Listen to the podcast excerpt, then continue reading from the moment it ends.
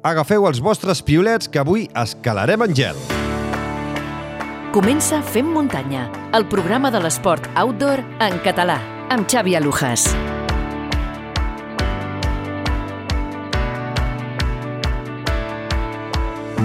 Com esteu, fem muntanyeros i fem muntanyeres? Benvinguts al Fem Muntanya número 84. Anem sumant programes, anem sumant bones converses i cada dia anem coneixent persones molt interessants.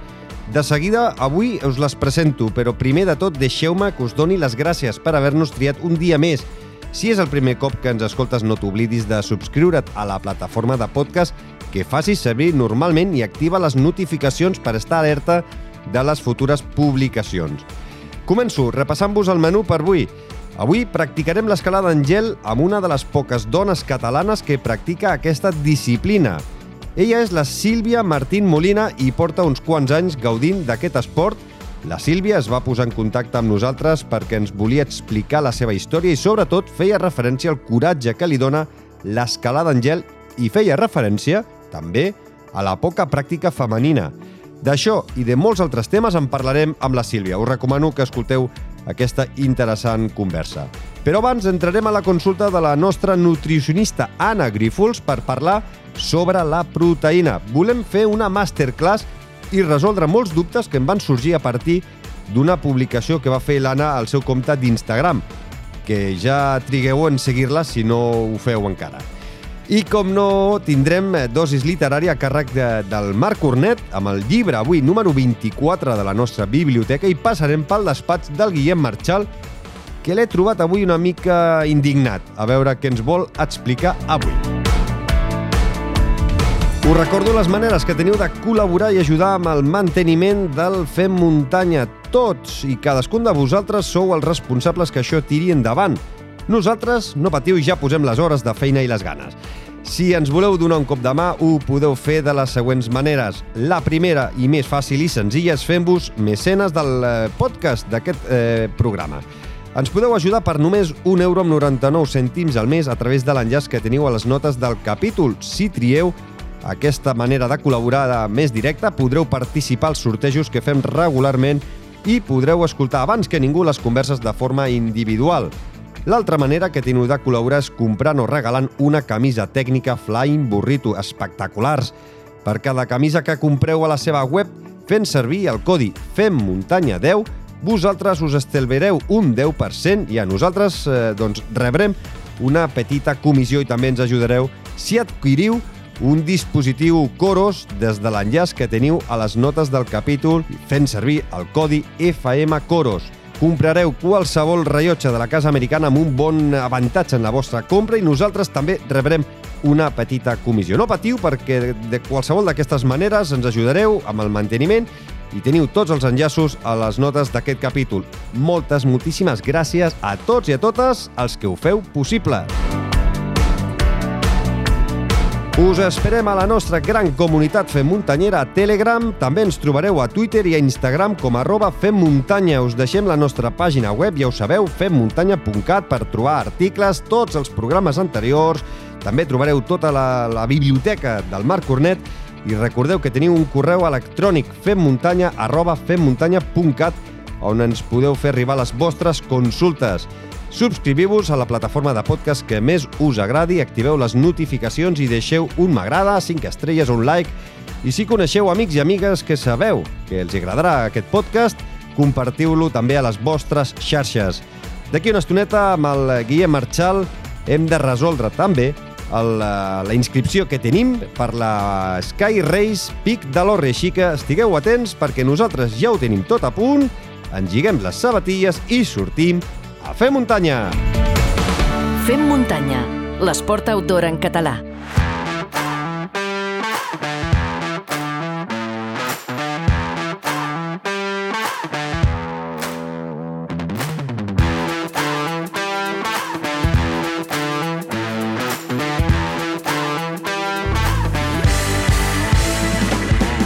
Poques setmanes la nutricionista Anna Grífols va publicar al seu Instagram un interessant post eh, parlant de la proteïna. Un cop doncs, que me'l vaig mirar, el vaig llegir, el vaig eh, rellegir, em van entrar alguns dubtes que intentarem resoldre avui amb l'Anna Grífols, eh, que ja ho sabeu que és nutricionista esportiva i la trobareu a nutriexpert.com. Anna Grífols, ben tornada al Fem Muntanya. Hola, molt bones. Eh, Anna, a veure, eh, comencem pel començament perquè és que el teu post, eh, escolta, m'encanta quan dones tanta informació, que dones eh, aquests tips que, que diem, no?, a vegades per, per internet, per YouTube, eh, tips, eh, consells de tota la vida. Uh, I el tema de la proteïna eh, va ser super didàctic, però clar, evidentment amb un post no pots explicar molta cosa perquè tens l'espai que tens, i són molts dubtes els que com a mínim a mi em van entrar i jo crec que molts eh, oients també eh, doncs, van estar pensant. Així que més val trucar-te i intentar resoldre algun d'aquests eh, eh, consells que vas donar. Comencem pel començament eh, i per fer-ho de forma didàctica. Eh? Què és la proteïna i, i per què serveix? Bueno, la proteïna al final sí que és veritat que com a esportistes és superimportant, no? A més a més, eh, pensem que els nostres músculs estan formats per proteïna, llavors la proteïna serà necessària per regenerar el múscul, per fer-lo créixer, eh, sobretot per recuperar, però no obstant, sí que és veritat que moltes vegades eh, li donem una proteïna, eh, li donem a la proteïna un valor excessiu. La, eh, ens pensem que és el nutrient més important de tots i hem de pensar també que la nostra societat pot arribar a consumir tres vegades més la proteïna recomanada. Llavors, sí que és veritat que la proteïna és superimportant, que molt poquetes cèl·lules del nostre cos no tenen proteïna, però eh, una de les coses que hem de saber és que el nostre cos no té magatzem de proteïna. Per tant, si nosaltres en consumim amb excés, doncs al final el nostre cos patirà molt a l'hora d'eliminar-la. -hmm. Una de les coses que dius en el teu post és això, justament, que no tenim magatzem per eh, guardar l'excés de proteïna i que llavors eh, farem treballar eh, més el, els fetge, el fetge dels ronyons, que és com es eh, destrueix la proteïna, no? l'excés de proteïna. Llavors, què és el que passa si saturem els nostres òrgans eh, a l'hora d'eliminar aquest excés?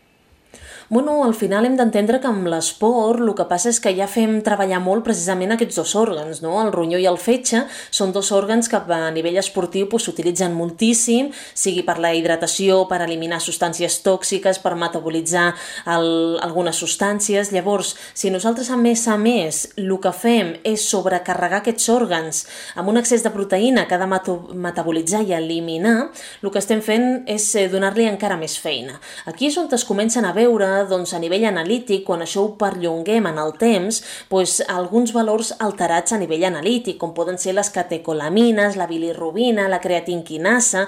Llavors, aquests valors, el fotut d'això és que no es veuen de forma rutinària amb una analítica normal, però sí que es veuen amb una analítica esportiva, que són molt més valors el que analitzem i llavors és quan comencem a veure doncs, aquestes petites coses que ens poden indicar que ens estem passant de proteïna. Quan nosaltres veiem això i no és a conseqüència conseqüència de que potser hem fet una competició uns dies abans o un entrenament superintens, sinó que hem estat en unes condicions ideals per fer aquesta analítica, doncs al final el que diem és, ostres, potser ens estem passant amb la proteïna diària. És aquí quan comencem a calcular i diem, vinga, va, aviam, com menja aquest esportista, què és el que està portant, quins extras està fent.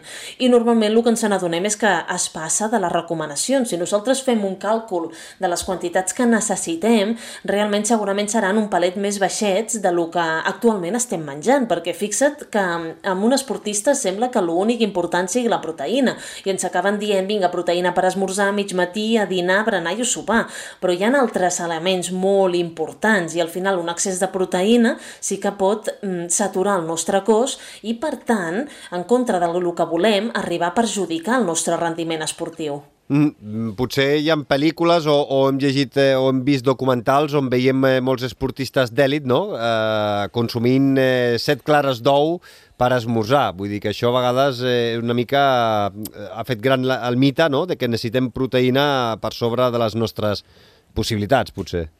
Sí, exactament. De fet, eh, a més a més hi ha una cosa molt interessant que és la capacitat màxima que té el nostre cos d'absorbir aquesta proteïna, no? Normalment es diuen, vinga, grans quantitats de proteïna. He arribat fins i tot a veure eh, professionals que no són del món de la nutrició recomanar als seus atletes 35-40 grams de proteïna, quan realment ja s'ha vist que a partir de 25 grams el nostre cos ja no és capaç d'absorbir-ho. Per tant, si no ho absorbeix i no s'utilitza, eh, tornem a lo mateix, s'ha d'eliminar. I s'elimina doncs, un altre cop per aquest fetge i ronyó. No? Llavors, hem de tindre en comptes aquesta capacitat màxima d'absorció de proteïna.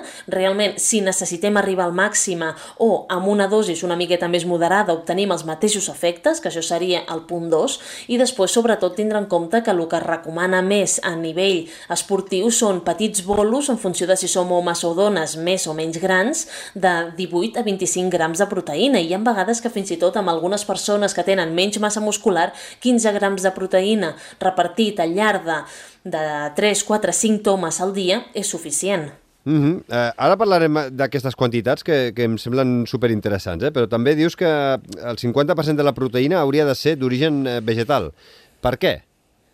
Bueno, això és un tema que, que em segueix sorprenent realment a dia d'avui que, que, no, que sorprengui, no? Jo quan ho dic sempre tinc persones que em pregunten ostres, i això per què passa? Així que gràcies Xavi per donar-me l'oportunitat per explicar-ho de forma més, bueno, eh, arribar més esportistes i és que al final eh, això és una recomanació que jo des de que vaig estudiar la carrera fa 13-14 anys, ja ni me'n recordo, eh, ja ho deien a la universitat i el motiu principal és que la proteïna d'origen animal eh, s'ha relacionat relacionat amb un tema de, de càncer, no? Llavors, sobretot la de la carn vermella, les proteïnes saturades, mm, processades, perdona. Llavors, tot això el que provoca és que al final ens obligui a reduir els consums de proteïna d'origen animal, sobretot d'aquests grans animals, no? Llavors, per què a més a més a un esportista o a la població general li interessa que el 50% de la proteïna com a mínim sigui d'origen vegetal? Perquè hi ha, un, hi ha diversos estudis que que ja afirmen de que consumim menys de la meitat de la fibra necessària eh, per tindre doncs, una dieta equilibrada i saludable.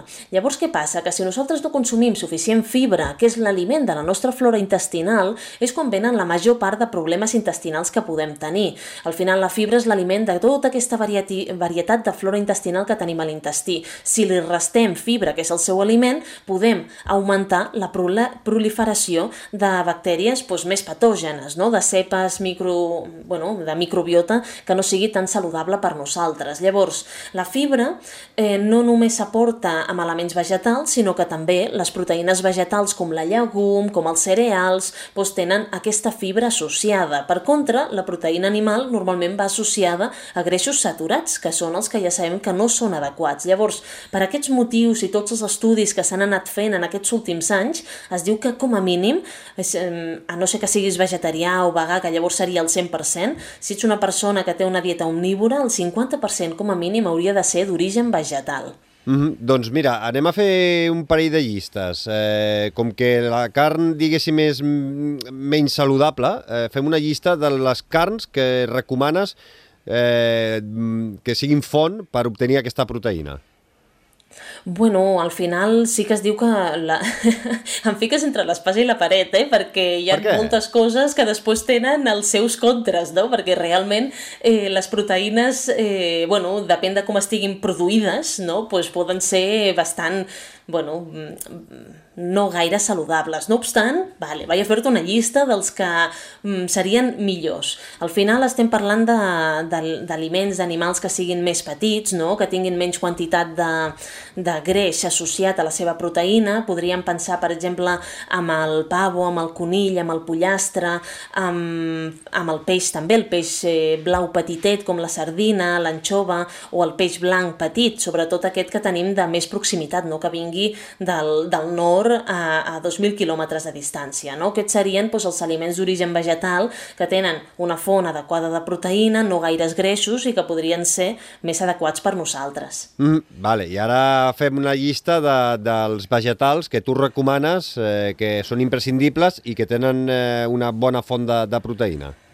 Vale, aquests, veus, aquests ja m'ha agradat més. De fet, els, eh, els d'origen vegetal, el bo que tenen és que fins fa poc no se sabia que hi havia moltes opcions vegetals que són igualment completes com ho pot ser la carn, no?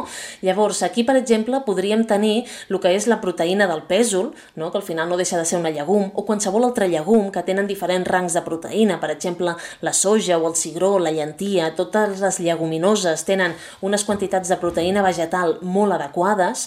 Després tenim les les varietats dintre d'aquestes mateixes llegums, com podria ser el tempeh, que a més a més és un aliment fermentat, per lo que millora la qualitat de la nostra flora intestinal, i després el, el seitan o, o el tofu. Eh, altres opcions de proteïna vegetal ho podríem tenir perfectament en els fruits secs, perquè a més a més el greix que va associat a aquesta proteïna del fruit sec sí que és un greix saludable.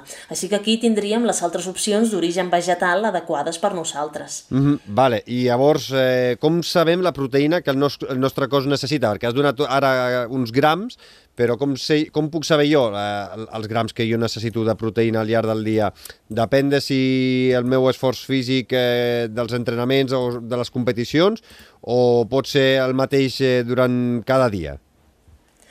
Bueno, aviam, uh, al final es fa un barem, no? Perquè sí que és veritat que nosaltres en un dia a dia, en una setmana, tenim diferents tipus d'entreno, però al final s'ha de fer a grosso modo per saber de forma general què és el que necessitem. Sí que en un dia de competició podrà ser diferent, podrem variar el rang de proteïna, però al final perquè els nostres oients puguin, puguin saber-ho, doncs es diu que, per exemple, amb l'esport de resistència, no? que seria potser el que nosaltres més ens ocuparia, doncs les maratons, maratons de muntanya, triatló, mm, natació en aigües obertes, aquest tipus d'esports es diu doncs, que s'hauria de consumir entre 1,2 i 1,4 grams de proteïna per cada quilo de pes de l'esportista. Vale? Això per, per fer-nos una idea serien entre uns 78 i 91 grams de proteïna amb una persona de 65 quilos. Després, a part dels esports de resistència, hi ha els esports d'equip, no? que podria ser doncs, el bàsquet, el futbol, el handball, aquests esports doncs, més, de, bueno, més, més de grup, que recomana entre 1,4 i 1,7 grams de proteïna per quilo de pes. Això seria doncs, entre 91 i 111 grams de proteïna cada dia per també una persona de 65 quilos. I després tenim els esports d'hipertròfia, que recomanaria entre 1,8 i 2 grams de proteïna per quilo de pes, tot i que hi ha ocasions ocasions que es pot arribar a recomanar 2,2 o 2,5 grams per quilo de pes. Vale? Llavors, si fem la, la primera opció, que és la que a nivell científic està més acordada, 1,82 grams, serien uns 117-130 grams de proteïna per una persona de 65 quilos. Aquí hem de fer algunes variacions, no? perquè, per exemple, l'esport de resistència, com pot ser les carreres de muntanya, hi ha una part d'impacte, llavors hi ha alguns estudis que diuen que amb, amb carreres molt tècniques o baixades molt ràpides ràpides, on hi hagi una gran destrucció muscular, es podrien arribar a donar fins a 1,6-1,8 grams de proteïna per quilo de pes. Llavors s'ha d'adaptar una miqueta, però a grosso modo seria els barems que hem dit. Vale, llavors eh, jo calculo 1,4 grams eh, pels 76 quilos que peso, serien uns 106 eh, grams eh, aproximadament al dia, i ara mentre el dubte, com calculo jo els grams que ingere, ingereixo jo cada dia? És a dir, mm, alguna, no sé si em pots donar alguna estratègia, alguna, alguns trucs per dir, doncs mira, al matí si menges això, doncs eh, això ja té tants grams, la llet o, o... Saps? Vull dir, perquè això jo crec que és el que a vegades més atabala, no?, a l'hora de calcular els grams de proteïna que, que hem d'ingerir al llarg del dia.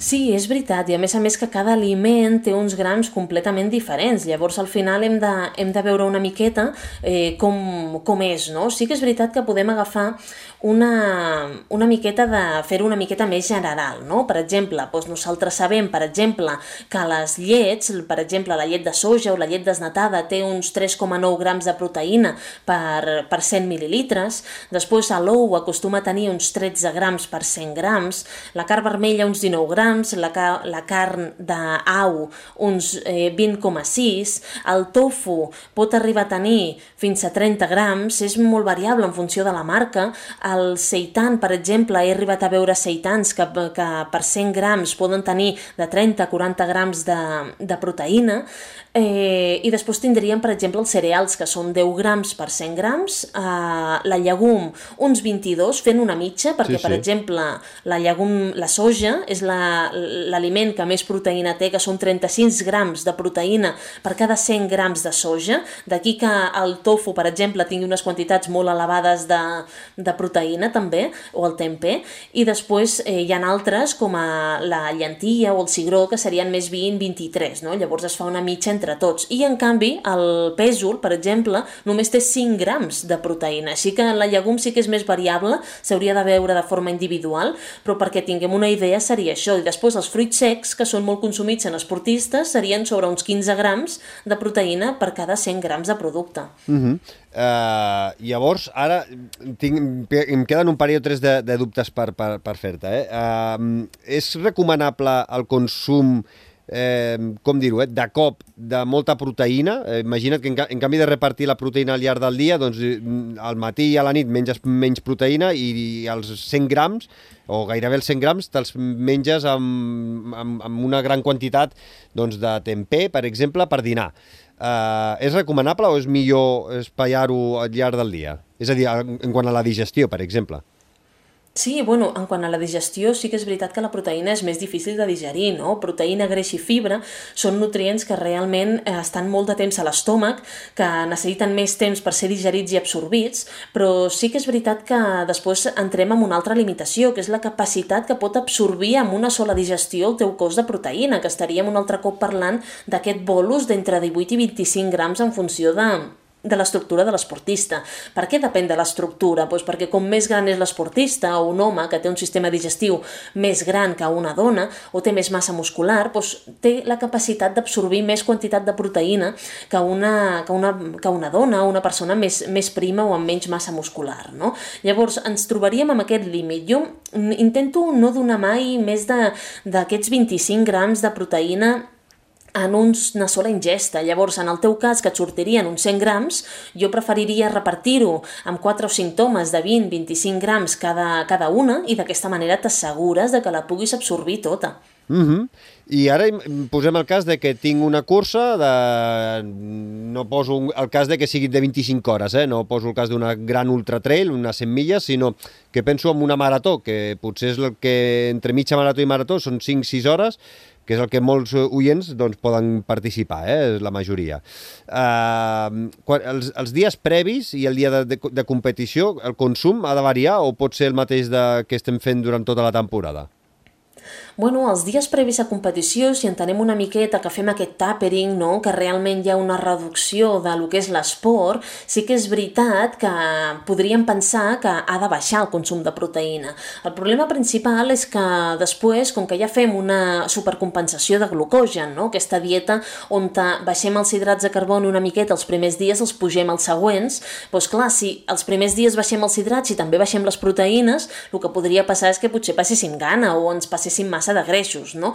Llavors, aquí potser jo prefer, prefereixo mantenir la proteïna tenint en compte que durant la competició hi haurà una destrucció muscular, no, no afavorir-ho abans i d'aquesta manera aquesta setmana prèvia deixar-la allà. Sí que és veritat que potser el dia anterior jo buscaria proteïnes de molt fàcil digestió, com pot ser el tofu, com pot ser la eura, com pot ser algun peix blanc o blau petitet sense gaire greix, no? per intentar de que no es quedi massa temps donant voltes la proteïna per l'estómac i que de seguida vagi a fer les seves funcions. Mm -hmm. I el dia de cursa, això que moltes vegades eh, ho he vist i, i potser jo també inclús al principi alguna vegada ho havia fet, eh, de, de prendre proteïna enmig d'una cursa llarga o enmig d'una ultra, eh, recomanat o no? Jo no ho recomano, però no ho recomano per un motiu molt simple, i és que encara que facis un ultratrail, la destrucció de, de proteïna teva sí que és veritat que, que serà més llarga, més gran, com més hores passin, però es pot eh, solventar amb petites dosis de BCA, no? d'aquests aminoàcids ramificats, que són aquestes petites porcions de proteïna que tu et prens amb dosis de 2, 3, 4 grams al llarg d'una competició, cada 3-4 hores, i d'aquesta manera repararàs aquest dany. Prendre't una gran quantitat de proteïna feina, com feia molta gent, un recuperador mitja competició, el que pot passar qui no és ho ha fet, que... Qui no ho ha fet, això, alguna vegada? Quan, sobretot quan no ho saps, alguna vegada, jo, vull dir, diria que la primera Ultra Pirineu que vaig fer, eh, a Gòsol, vaig prendre amb, eh, un, un, bueno, un batut d'aquests de recuperador, el que et prendries després de la cursa, m'ho vaig prendre a Gòsol. Sí, crec, crec que no ets l'únic que ho ha fet, eh? De fet, eh, hi ha molta gent que ho he vist, eh, es va extendre molt aquesta pràctica fa uns anys, sí que és veritat que ara ja no es veu tant, però al final una gran quantitat de proteïna durant la competició costa molt de digerir i a molts el que els hi passava, almenys el que m'han transmès a mi, eh, és que després de prendre's això, ostres, se'ls com tancava l'estómac, no? Es quedaven com molt saciats i eren incapaços de prendre després els hidrats o el menjar que els hi, que els hi toqués durant un període de temps. Eh, clar, la proteïna costa de digerir. Llavors seria normal que ens trobéssim amb això, però bueno, sabent-ho, eh, es canvia aquestes grans dosis de proteïna que no les podrem absorbir ni utilitzar ni, ni usar com realment volem i les canviaríem per aquestes petites dosis de BCA que d'aquesta manera sí que estarà molt millor aprofitat. I després de la cursa, sí que un batut recuperador, un batut eh, més natural, eh, proteïna més a dojo, diguéssim, el cos aquí sí que necessita proteïna, no? Sí, aquí sí. Després de la cursa és essencial recuperar proteïna, també hidrats de carboni, no? Llavors, amb curses de resistència es diu ràtios eh, 2U o 3U, és a dir, per cada 2 o 3 grams d'hidrat de carboni i un de proteïna, sempre intentant arribar als 20 grams de proteïna, no? Llavors estaríem parlant de 40 o 60 grams d'hidrat de carboni i això molts recuperadors ja ho fica. Si t'hi fixes en l'etiqueta d'alguns recuperadors ja fica recuperador 2U o recuperador 3U o 4U. Doncs aquests serien ideals per nosaltres. Mm, I acabo. Escolta, jo entro a la web de botigues o, entro, o vaig mirant eh, moltes marques i, i veig a vegades eh, mm, la paraula protein seguit de whey o power o predator o, o, o saps? Whey protein, tal. Tot això, mm, per què serveix? Perquè m'agradaria saber si això tu ho recomanes, no ho recomanes. Bueno, aviam, uh, el whey, no, el que és la proteïna de suero de llet, que és com se'l coneix el whey, sí que és veritat que a nivell científic és una de les proteïnes que s'ha vist que recuperen mi millor, no? Ara, què, què passa? Que hi ha molta gent que, que m'estic trobant que és al·lèrgica a la proteïna de la llet de vaca, o no vol prendre làctics, o s'hi senten malament. Llavors diuen, què fa, Iana? Pues, actualment ja s'ha vist que els recuperadors, les proteïnes de soja o de proteïna de, de pèsol, també van van igualment bé. Llavors tindríem diferents opcions, però no deixa de ser el mateix. El que sí és veritat és que hi ha diferents tipus. Una cosa és la proteïna de suero de llet, que seria el whey, l'altra cosa és la caseïna, que també s'ha ficat de moda, sobretot en fitness, gimnàs, mm -hmm. però eh, jo la caseïna sóc una miqueta reticent a utilitzar-la per un motiu, i és que hi ha hagut molts estudis que relacionen la caseïna amb un augment del risc de càncer. Llavors, ja només per això, jo, que cuido moltíssim la salut, prefereixo optar amb altres opcions com la whey o les proteïnes proteïnes vegetals. Llavors, simplement és el mateix, a vegades se li fica un nom, d'altres un altre, els, els recuperadors normalment, si no, a no ser que sigui vegetarià o vegà, doncs, eh, són en base a whey, llavors això ho hem de mirar i hem de veure quin és el més idoni per nosaltres. Mm -hmm. Escolta, eh, superinteressant eh, aquesta secció d'avui, jo crec que podríem definir-la com a masterclass sobre la proteïna. Vull dir que la gent que doncs, tingui dubtes, que, o si, si no ho hem explicat tot i algú té més dubtes, doncs que ens ho facin saber a través del correu electrònic femmuntanya arroba femmuntanya.cat eh, i properament doncs, amb l'Anna podem eh, resoldre si ha quedat algun dubte entre algun dels oients i si voleu que parlem d'algun tema en específic, doncs també a través del nostre correu electrònic eh, ens ho podeu dir o a través de la comunitat de Telegram, la comunitat eh, Fem Muntanyera i, evidentment, si voleu parlar amb l'Anna, la trobareu a nutriexpert.com i, evidentment, al seu Instagram eh, amb consells superinteressants.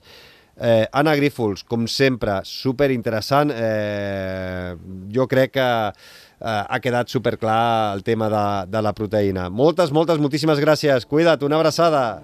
Una abraçada. Envia'ns les teves opinions a través de Twitter, Instagram o del correu electrònic femmuntanya arroba femmuntanya.cat.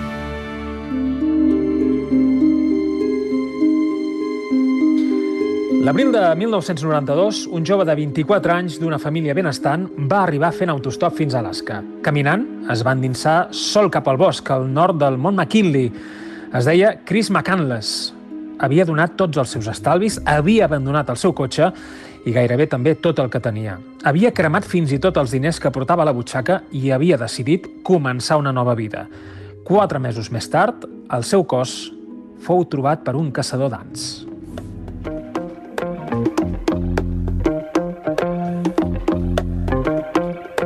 Marc Cornet, veig eh, que avui vas molt fort, eh? Està, semblava, semblava que estaves llegint, eh, doncs, no sé, el, cap, el proper capítol de, de Crims a, a TV3, però no, és moment de muntanya de llibres, i aquesta sinopsis, eh, de quin llibre pertany? Bona, Xavi, en aquest cas eh, no parlem d'un tòpic, sinó d'una certesa. Tampoc pretenc ser Carles Porta, però està clar que el llibre que fa 24 de la nostra particular biblioteca és un clàssic en tota regla de la literatura de muntanya i no, no us deixarà indiferents. Eh? Avui vinc acompanyat del sorprenent i també frapant cap a terres salvatges del periodista i muntanyenc nord-americà John Krakauer. I és el mateix autor del mític Mal d'Altura, veritat? Tal qual, el mateix, perquè, de fet, aquest altre llibre, El mal d'altura, també és un altre clàssic de la literatura de muntanya que ja us portaré un altre dia i que també, com molts vosaltres eh, sabeu, tracta la història d'aquella tragèdia que es va viure a l'Everest l'any 1996, on van viure, on van morir, perdó, més de 10 persones, no? Però tornant a l'obra d'avui, aquest cap a terres salvatges, hacia rutas salvajes, per cert, en l'edició en castellà, podríem dir que és una obra d'aquelles que, que agrada, que agrada i que agradarà sobretot als inconformistes. Llibre psicològic i també d'aventura, en què intentem posar-nos en la pell del protagonista, aquest Chris McCandless, per intentar també entendre les seves motivacions, les motivacions que en definitiva el van portar a un canvi de vida tan radical com podíem escoltar al principi. No? Sabem al final, de fet, que McCandless mor de fam i tot sol, però tot i així no el podem deixar de llegir des de la primera fins a l'última pàgina. No? És una mica també com el mític Crònica de una muerte anunciada de García Márquez, no? Mm, en versió, això sí, més muntanya i fins i tot molt més extrem, sobretot a nivell psicològic. I, Marc, és un llibre per tots els públics o no? Fa uns moments, Xavi, et comentava que és un llibre que agradarà encara més als inconformistes, no? Però també a tots aquells lectors i lectores que es preguntin el perquè de les coses, de les emocions, de les intencions, fins i tot també de les voluntats de vida. Un llibre pels que volen saber el com i també el per què de l'opció vital, tan peculiar i també portada a l'extrem, d'aquest protagonista. No? En aquest sentit, per tant, podem dir que la pròpia història i el fil argumental alimenten el malestar que qualsevol jove amb inquietuds pugui sentir amb l'entorn social que ens envolta, ja sigui aquí a Barcelona o a, altre, a qualsevol altra ciutat del món. No?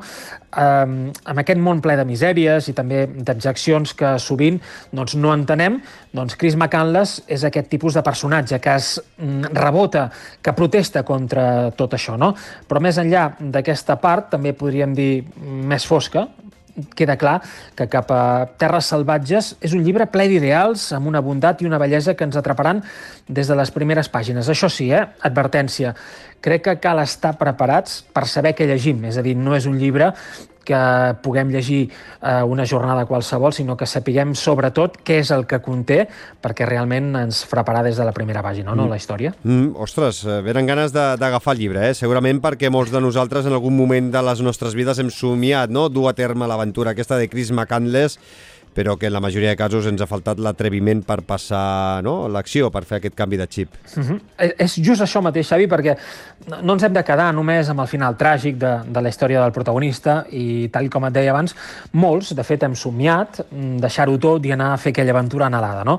Però gairebé cap de nosaltres, és la veritat, ha tingut el valor, la paciència i també la fortalesa per passar de les idees, de la imaginació als fets, a la realitat, mm, perquè en definitiva s'ha de ser molt valent, però molt, per fer el que va fer Chris McCandless i que ens explica també tan vivament el propi John Krakauer. No, no deixa de ser res més que enviar a fer punyetes al món que ens envolta i sortir a buscar la felicitat, la pura felicitat, eh? la de veritat, la de les petites coses, ben lluny i també sense estar vinculada a res material. No? En aquest sentit, Marc, eh, per tant, podem dir que Cap a Terres Salvatges és un llibre plenament existencialista.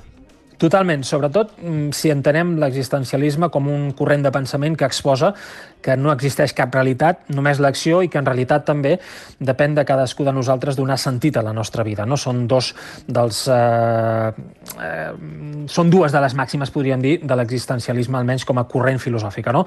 La hipocresia i també la banalitat en algunes relacions socials que podem veure i viure avui en dia doncs deixen de tenir sentit en aquest context. No? L'individu és un fi en ell mateix, Chris McCandless, de fet, va fugir, diran alguns, però d'altres, i jo em situo més segurament en aquest segon corrent, diran que simplement va seguir el camí correcte, els seus ideals, el que ell pensava, mentre que la gran majoria de nosaltres potser doncs, ens quedem en un mateix lloc. Ell va ser atrevit, no va tenir por, i va seguir el camí que ell creia doncs, lluny de convencions socials. Mm, un llibre que, a més a més, ens ofereix també referències a obres d'autors eh, molt inconformistes. Totalment, eh? perquè parlem d'escriptors tan consagrats com Turó, com Tolstoi o fins i tot Jack London, i és que cap a rutes eh, salvatges, cap a terres salvatges, és una... la llamada de la selva, no? en tota regla podríem dir, eh? la crida d'allò salvatge, desconegut, una crida a la qual Chris McCandless doncs, va sucumbir sense cap mena de fronteres ni, ni, ni limitacions. No? Eh, cal deixar ben clar també que Krakauer ens explica la vida del Chris, fent esment especial també en els seus darrers dos anys de vida, perquè veurem per què el medi natural té un efecte fascinant fascinador en l'esperit nord-americà, però també per damunt de tot descobrirem la passió per la recerca de la vida autèntica. Abans de convertir-se en un mer autòmat, doncs, que és el que pugui passar amb qualsevol de nosaltres en contacte amb la societat, doncs ell, Chris McCandless, decideix respondre eh, davant d'aquesta societat que l'envolta. No? Marc, eh, hauríem de parlar no? de, de Chris McCandless o potser d'Alexander Supertramp? Mira, és un bon incís perquè Alexander Supertram és, de fet, el pseudònim que va utilitzar el propi Chris McCandless durant els seus dos anys de viatge. Potser com si fos una mena d'alter ego, o bé també amb la intenció de prendre distància respecte del seu jo anterior, no? I Marc, com sempre m'has comentat abans que volies acabar tal i com has començat amb una altra cita no? de, del llibre. Així és, Xavi, perquè el text que ara us llegiré, segons el propi autor del llibre, John Krakauer, vindria a ser la declaració d'independència del propi Chris McCandless, no? encarnat ja en la figura d'Alexander Supertramp. El propi jove va gravar aquestes paraules que ara us llegiré sobre una làmina de fusta deteriorada que tapava un forat d'una finestra de l'autobús on va morir, no? en pre-Alaska, mort de fred. Un text, de fet, que està basat també en una cançó del cantant nord-americà Roger Miller. Diu així. Fa dos anys que camina pel món, sense telèfon, sense piscina, sense mascotes, sense cigarretes. La màxima llibertat, un extremista, un viatger esteta, la llar del qual és la carretera. Va escapar d'Atlanta, mai tornarà. La causa, no hi ha res com l'oest. I ara, Després de dos anys de vagar pel món, emprèn la seva última i major aventura, la batalla decisiva per destruir el seu fals jo interior i culminar victoriosament la seva revolució espiritual. Deu dies i deu nits pujant a trens de càrrega i fent autostop l'han portat al magnífic i indòmit nord, fuig del verí de la civilització i camina sol a través de la muntanya per perdre's en una terra salvatge. Un text firmat per Alexander Supertramp, alter ego de Chris McCandless, atenció, eh? Al maig de 1992, poc abans de morir.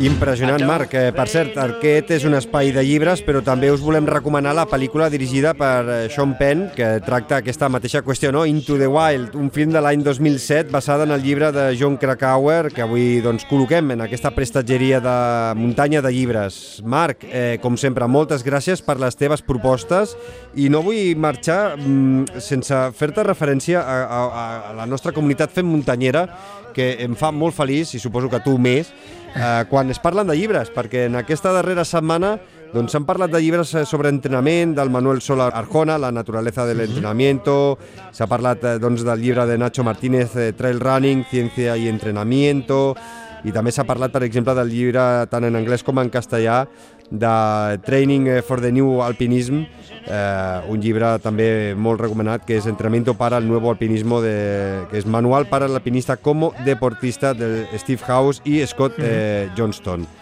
Eh, em fa molt feliç que els nostres oients, escolta, eh, els agradi molt la lectura, ja sigui doncs, eh, una mica de, de història real, i sense ficció o sobre entrenament. T'ho havia de comentar. Mm, si parlem Gràcies, de llibres, ja eh, aquest és el, el teu espai.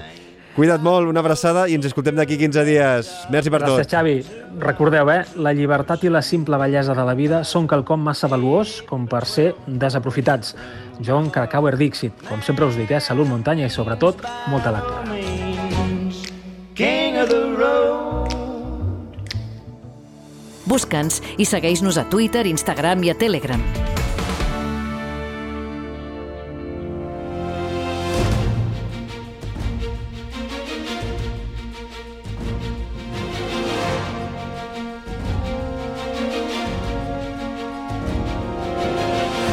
Que parlarem eh, durant la propera estona aquí al Fem Muntanya es va posar en contacte amb mi per explicar-me una història que em va semblar super interessant i que em venia de gust eh, doncs, que ella ho expliqués aquí. i que no hem parlat mai aquí en el podcast. Avui parlarem de dones i de l'escalada en gel. Sílvia Martín, benvinguda a Fem Muntanya. Doncs hola, bona tarda. Què tal? Molt bé, moltes gràcies eh, per posar-te en contacte amb mi i explicar el que parlarem els propers minuts. Però primer de tot, eh, i per posar en context una mica als oients, eh, qui és la Sílvia Martín? Doncs bé, doncs jo sóc primer de tot dona, després doncs escalo, escalo en gel, des de fa, des de fa set anys, és la meva passió, no, no me dedico professionalment, però bé, sí que una bona part del meu temps li dedico i sóc professora d'ensenyament de, secundari i professora a la Universitat de Manresa. Mm -hmm. Doncs eh, ja tenim, eh, hem posat unes quantes dades que anirem eh, desgranant en els propers minuts. Ets dona i sobretot escales eh, en gel. Em vas enviar un correu electrònic que, que m'ha servit per fer-me moltes eh, preguntes i mm -hmm. m'han vingut ganes de conèixer-te i de ben segur que els nostres oients també. Uh, com dius, eh, em deies que ets mare, docent a la Universitat de Vic i a la Universitat de Manresa i ets escaladora especialitzada en gel i dius que combinar les tres coses uh, ha estat una tasca més que rellevant per eh, autorealització. Eh, mm -hmm. Què significa això? Que, que, que tot, tot plegat, què és el que uh, t'ha ajudat a tu? Doncs, a veure, l'escalada en gel al principi vaig començar fa uns set anys. Uh, al principi, doncs, com una curiositat, perquè venia d'escalar en roca i d'una manera molt, molt tranquil·la, per dir-ho d'alguna manera, gens, gens competitiva i molt com a hobby. I mm, en principi doncs, vaig, tenia molta curiositat de provar-ho, de què era, de provar-ho i, i de què era això de l'escalada en gel. No? I al principi, doncs, ben bé no, no sabia què passava, però sí que era mm, com una sensació que em feia doncs, doncs, arribar a un estat de, de, de, de plenitud, no? Uh, en aquells moments de la vida, doncs, que per circumstàncies X et pots arribar a sentir més buit uh, o, o més estressat o més, digue-li com vulguis, doncs l'escala d'Àngel jo trobava que començava a omplir-me, no? Començava a omplir forats, no? Que, que altres coses no, no, no omplien, no? Fins i tot, doncs, tinc una professió que m'encanta, m'apassiona, eh, gaudeixo molt de la, de la maternitat, hi ha altres coses a la vida que són molt, molt, molt importants per mi, però mm, jo trobava que aquells espais buits eh, doncs, s'omplien en l'escalada d'Àngel. Això al principi, no? Que no comprens, que fas, que vas, vas provant, uh, a part de l'esport físic uh, i la feina psicològica no? que has de, de fer de preparació per poder fer aquest tipus d'esport. De, no? I després, amb el temps, doncs, uh, ja he intentat racionalitzar no? què estava passant. I m'he adonat una mica que és una meditació activa molt, molt, molt, molt profunda, quan almenys el camí em passa, uh, quan, escalo, quan escalo en gel. Uh, llavors, tota aquesta connexió tan directa amb, amb aquesta activitat, he arribat una mica a la conclusió que el que em desperta o el que em vibra és uh, la sintonia de la felicitat, no? Per, mm, per sí, dir-ho... Si, si t'he de dir alguna definició, perquè és, és molt difícil i molt complexa de, d'explicar, no? El fet de que tu vagis, tornis a repetir, eh, combinis amb la teva vida personal sense deixar cap punt, perquè m'agrada ser professional a la meva feina i m'agrada fer de bona mare també, llavors combinar això eh, és complicat, no? Sense que se t'escapi cap, cap cap punt, no? I dedicar-li el temps que requereix a l'escalada, Àngel, perquè són eh, doncs, pocs mesos de, de l'any que has d'anar a tope, perquè si no, no escales. Eh, aixecar-te a les 6, 7, 4, anar, caminar 2, 3 hores en una aproximació, més a vegades 2, 3 hores de cotxe, a vegades 6 perquè has d'anar als Alps. Llavors tot plegat és una bogeria que, que després de 7 anys he analitzat i dic, no, no, és que si no escalo en gel, jo no sóc feliç. És així de senzill.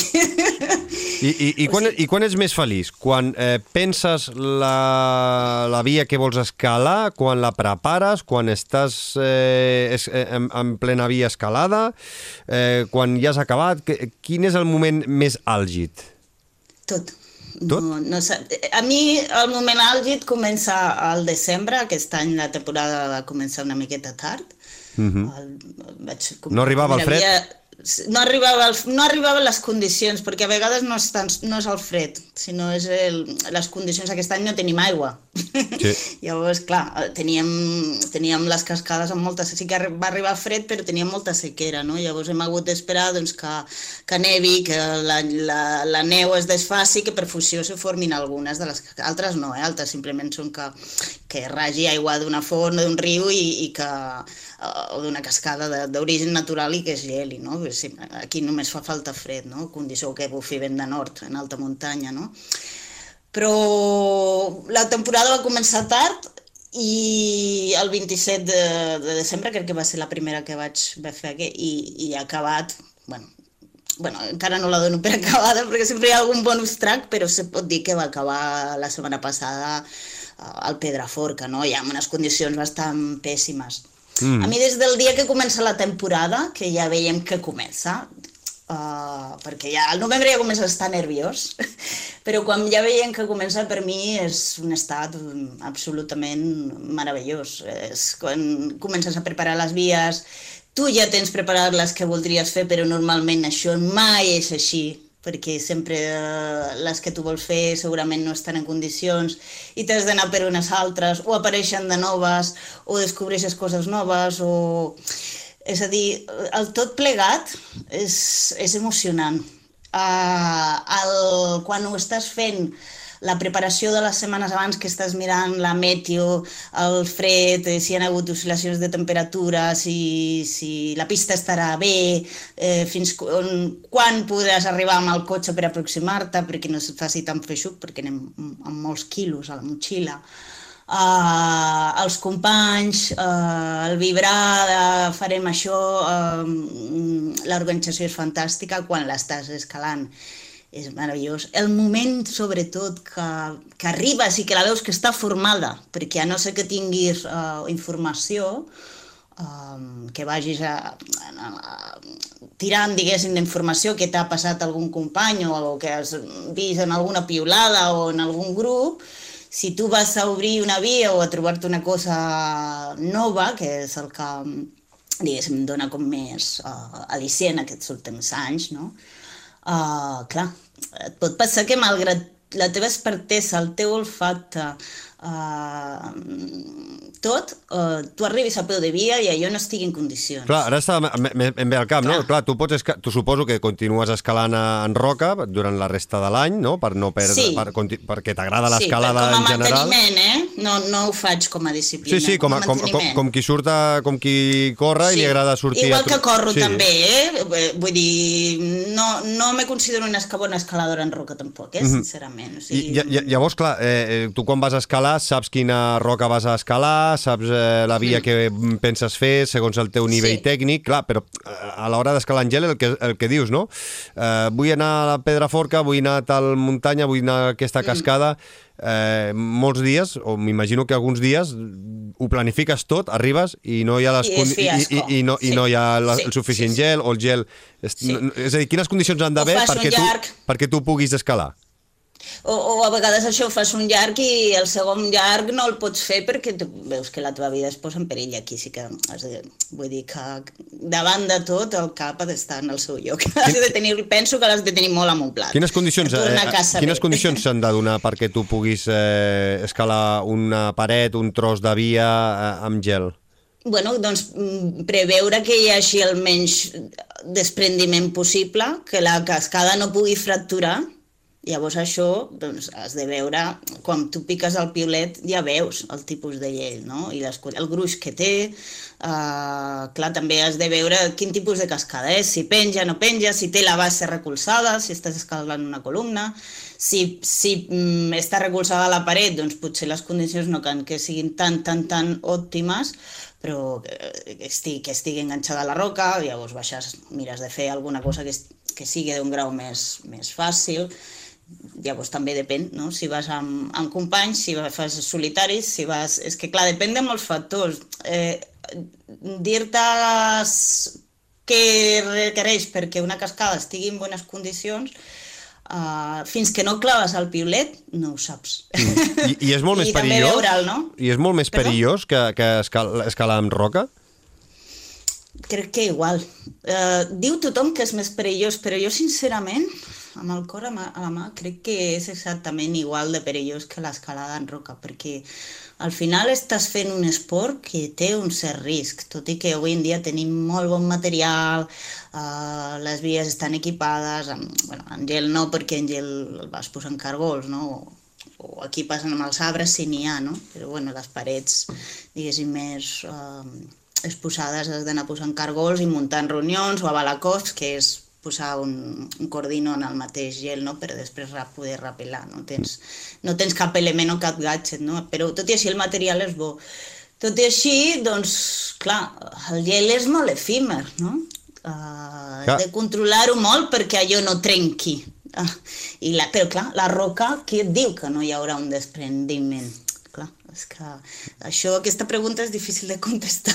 No, no, t'ho pregunto perquè si escales a les dues, eh, eh tant en roca com, com en gel, doncs dic, igual tens una, una percepció diferent de, del perill, és a dir, que si és més perillós el gel o la roca, però si, si em dius que la sensació de perill en cas de desprendiment és el mateix, doncs eh, eh millor que tu eh, per respondre a aquesta, a aquesta pregunta. Eh, el material és molt diferent al que es pot utilitzar a l'escala en roca o no té res a veure? Eh, a veure, uh, d'entrada, com que tu no tens, diguéssim, parabols, que són els asseguraments que, que et vas trobant uh, quan tens una via equipada en roca, o bueno, si fas una via en lliure has de posar friens o altres, altres gadgets, no? Però aquí tu has d'anar fent tu. Llavors, quan veus que la cosa es posa perillosa o que pots tenir doncs, una possible caiguda, que això Eh, és una de les grans diferències també amb la roca, que no et pots permetre caure en el gel, o sigui, la caiguda ha de ser zero, perquè no pots volar, perquè quan tornes a repicar contra el gel pots fracturar-te, perquè hi portes crampons, cosa que no passa en la roca. En la roca pots rebotar i no passaria res, en teoria. Mm -hmm. Saps caure bé.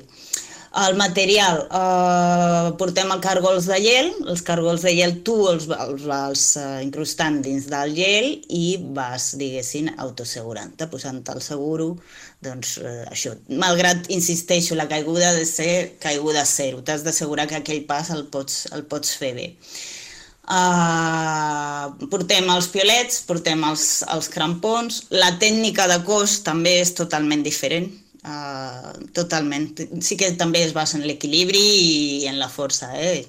són factors que intervenen, però la tècnica de cos eh, has d'optimitzar molt l'energia i treballes molt amb el centre del cos i, i són, són passos com molt elegants en què és una mà, l'altra mà, peu, peu, una mà, l'altra mà, peu, peu o, o dos peus. En canvi, la roca tens com més... Si tens flexibilitat, pots tenir més variabilitat de moviments. Uh -huh. I, I després les reunions, no, les reunions és el mateix. O sigui, fer una reunió quan fas via llarga a la roca o fer una reunió quan fas uh, gel és el mateix. El que passa que te, el que te trobes en el llec moltes vegades és que és més salvatge i que no està equipat i que amb, amb sort tens un arbre i si no, doncs és el que, us, el que comentava abans, no? has de fer la reunió en el gel fer un, posar un cordino, passar a fer una balacov, que es tracta de fer dos forats en el gel i, i passar un cordino i repelada allà, no? Uh mhm. -huh. Eh, clar, ara deies, eh, aquest any has pogut escalar des de mitjans finals de desembre fins eh, la setmana passada, ara a principis sí. de març. Eh, és el més normal, no? Entre desembre i març, eh, aquí a Catalunya és on quan pots trobar les millors condicions Uh, clar, la resta de l'any eh, viatges molt i a quins llocs viatges per, per poder trobar gel? I, a, i, i després et faig també una segona pregunta. Aquí a Catalunya, quins són els millors llocs per poder escalar en gel? Vale. Doncs, a veure, aquí a Catalunya l'època més àlgida és gener-febrer. I llavors, depèn de l'anyada, doncs, eh, comença més a finals de gener i febrer eh, s'allarga més, o aquest any ha anat una mica diferent. Gener ha sigut molt potent i febrer, doncs, a, a, mitjà, a mitjans de febrer doncs, ja hem anat de baixada, no? però sí que els dos punts, uh, els dos mesos àlgids són gener i febrer. Uh, el que passa que, clar, si a tu això t'apassiona, tu ja saps que al desembre ja trobaràs gel. Inclús al novembre. Jo he trobat gel a Vallter al novembre. Alguna raresa d'aquelles que ha entrat vent de nord i, i s'ha format, no? Um, després, tot el que vingui al març, doncs uh, ha de ser, has de pujar a muntanya. Mm -hmm. uh, has de pujar a alta muntanya per buscar aproximacions molt llargues. La setmana vinent anem a buscar una que creiem que estarà formada, però bueno, és el que et deia, que, que no ho sabem fins que hi anem, però suposem perquè normalment aquesta aguanta fins l'abril, no? Uh, I respecte al que em deies dels llocs a Catalunya uh, per, per escalar, doncs uh, n'hi ha diversos. Tenim doncs, el Pedraforca, que és la gran escola, no? la Carrenol del Pedraforca, on tothom s'inicia. Uh, tenim algunes cascades que són molt interessants, també d'iniciació, que es formen a, a Ulleter. Uh, després Cavallers, que ja bueno, és una escalada una miqueta més amb, amb cara i ulls. Tenim la boca nord del, del túnel de Viella, que ja també hi ha la vall de Barrabés, que és una vall bastant solitària, però que hi ha cosetes també força, força interessants. Eh, això, diguéssim, el que tenim més... Eh, més a prop més a de casa. no? Sí, més, o més a l'abast, o més accessible, amb aproximacions una mica més lògiques, no? Eh, Després, clar, hi ha les rareses, no? Uh, aquest any s'han format cascades a la vall de Carbó, que això està al, al, al, al, al, a l'Alt Urgell, uh, s'han s'han format coses a Osona superinteressants. Després hi ha el, el Puigdecalm també, que és que aquestes són, són xulíssimes i són, és un gel que dura una setmana només, però és, són molt maques també. Tenim a Osona rareses també, jo he trobat una cascada aquest any també que s'ha format en, en solitari.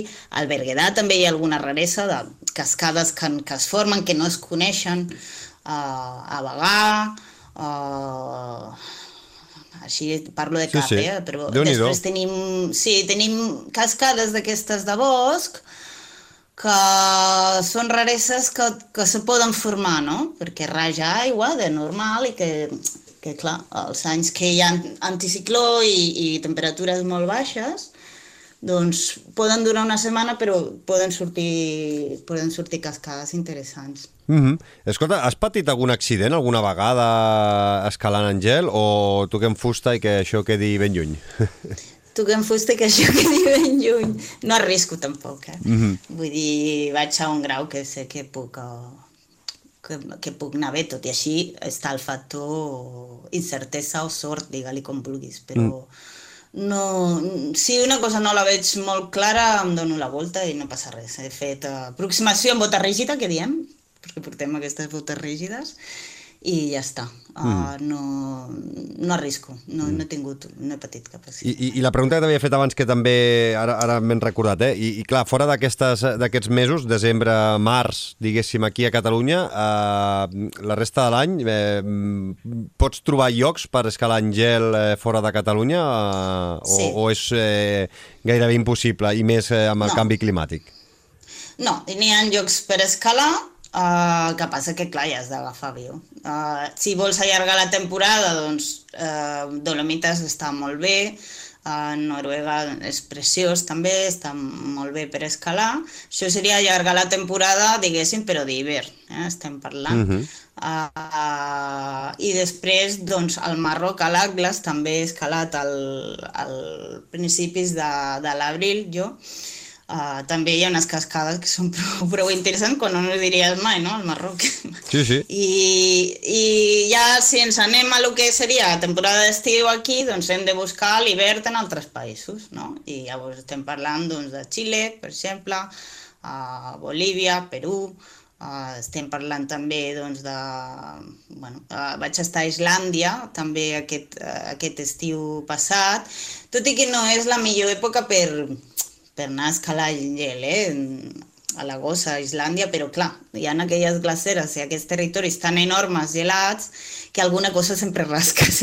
Sempre trobes algú. Eh, clar, perquè clar, hi ha territori que sempre està gelat. Tot i així, a l'agost has d'anar molt de compte perquè hi ha rius subterranis i no, no has d'arriscar, has de fer cosetes doncs, fàcils, el que et deia, no? sense, intentant doncs, minimitzar els riscos i buscant doncs, només la sensació de, de passar-ho bé, no? que es tracta d'això. I, I com et va picar per escalar en gel? Perquè si ja escalaves en roca, com, com et va cridar el coquet per dir vull provar el gel, eh, a veure si trobo algú que m'ensenyi, per, perquè la tècnica és diferent, tot és diferent, eh, algú t'ha d'ensenyar. Com, mm. És a dir, com et vas iniciar a, a, dir, a escalar sí. en gel? A veure, jo ja et dic, escalava en roca mm, ja et dic, com el, molt per, per, per plaer, no, molt de tant en tant, ni, ni tenia grau, era que jo de molt dominguero, com aquell que diu, i, però sí que em picava molt la curiositat de l'escalada d'Àngel. Llavors, eh, amics que tinc que, es, que són escriptors, que escrivien biografies d'alpinistes, doncs m'havien parlat de l'escalada d'Àngel, i havia quedat allà en el subconscient perquè, clar, a la vida has de fer moltes coses, I, però tenia el coquet de que ho volia provar, de que ho volia provar, i llavors me vaig apuntar a un curs d'alpinisme de, del Club Excursionista de Catalunya i vaig dir...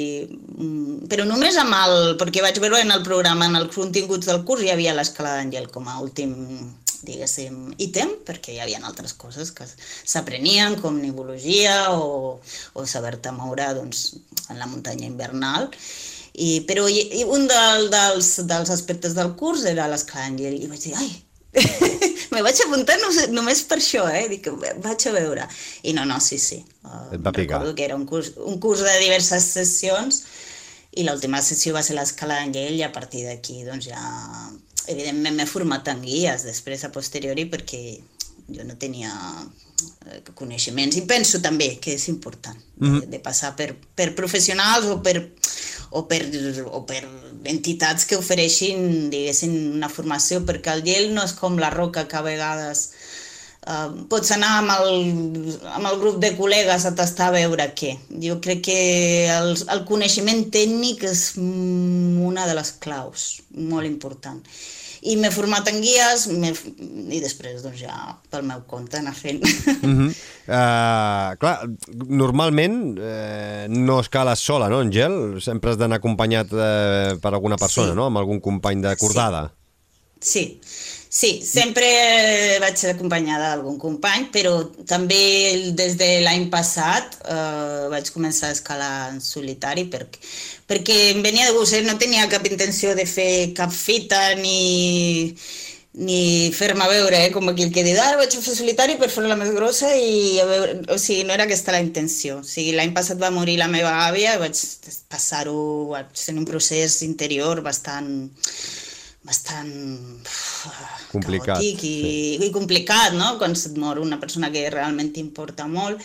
I no volia posar, no em veia en, en capacitat de posar en perill a cap company i no em veia en, amb el cap clar per poder, per poder escalar amb ningú. Llavors, vaig dir, bueno, perquè tenia ganes també de sortir, no? I, i dic, faré ressalts de gel, coses molt fàcils de tercer grau, a vegades rius gelats, anar seguint el riu, fent ressalts i a veure què passa. No? Si no puc seguir, doncs, bueno, cap a casa i ja està, no? I amb aquesta tonteria vaig començar a escalar en solitari, que no havia escalat mai. I ara aquest any doncs, m'he trobat que, clar, sí que he fet coses més complicades en, en companys perquè no les pots fer sola, evidentment, però que després també he sortit en solitari perquè m'ha agradat. Mm, a un nivell més baix, però dic, ui, no, no, sí, sí, vull dir, aquesta parcel·la mi com a escaladora de gent la vull conservar. I quan vas acompanyada, eh, normalment són homes o també et trobes alguna dona que escali en gel? Doncs aquí és la part, diguéssim, difícil i la tasca que jo porto aquests últims dos anys eh, intentant fer, que és eh, eh, convèncer les dones de que escalem entre nosaltres, perquè aquí a Catalunya, encara que que sembli una cosa normal, no? diguéssim, de que avui en dia doncs, tothom pot practicar qualsevol tipus d'esport, hem fet un abans, no passa res, doncs plantejar-se una cordada femenina que era encara és una cosa que no s'accepta amb molta obertura per, per, part, per, per part de tothom, eh? no, no, per part d'homes i per part de dones. Llavors, escalo amb homes, escalo amb homes perquè no, no trobo companya de cordada. Bueno, I fe, això fem una me crida, fa molta no? ràbia. Fe, fe, fem una crida aquí des de Fem Muntanya. Si alguna noia, alguna Fem Muntanyera que, que ens escolti i, i vulgui fer una acordada amb la Sílvia, doncs que ens enviï un correu electrònic a femmuntanya.cat i li passarem a la Sílvia i, bueno, aquest any ja anem tard, però sí que de cara a l'any vinent doncs, eh, o a l'estiu, si, fem, si feu alguna acordada, o un marxeu de vacances a Xile o a la, la Patagònia, doncs eh, fer alguna acordada plegades. Això estaria bé i poder-ho compartir, que mira, escolta, que el Fem Muntanya uneixi dones escaladores a, a, en gel. Eh, notes que cada vegada, per culpa del canvi climàtic, eh, costa més eh, que es formin aquestes cascades, aquestes vies, o de moment, amb aquests set anys, no, no, no ho has percebut? Sobretot aquest any. Aquest any... Ha costat, aquest any sí que ha costat. La manca d'aigua ha sigut horrible. Ha sigut... Uh, sí, tot i que ha sigut bona temporada, eh? Ha sigut una tem bona temporada mm, en quant a condicions i s'ha allargat i hem escalat bastant però, mm, però la manca d'aigua doncs, ha fet que coses que normalment es formaven no es formessin o que es formessin en un gruix doncs, que tampoc era afavoridor no? per poder per poder escalar. Jo, per exemple, a Val- Vallter, que sempre és, bueno, el de Ter, eh, sempre és de les primeres aquest any sec.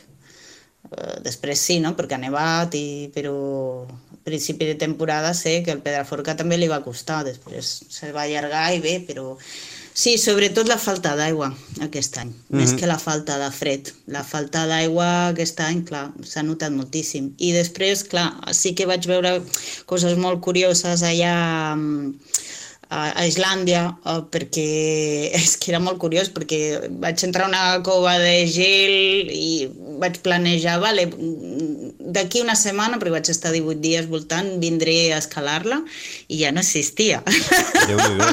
A la setmana següent ja no existia i ja estàvem parlant de que havia retrocedit la glacera, doncs, potser 5 metres, és molt, eh? Déu-n'hi-do, Déu-n'hi-do, en una és setmana. Molt, sí, és, sí. és molt, és molt, és molt, és moltíssim.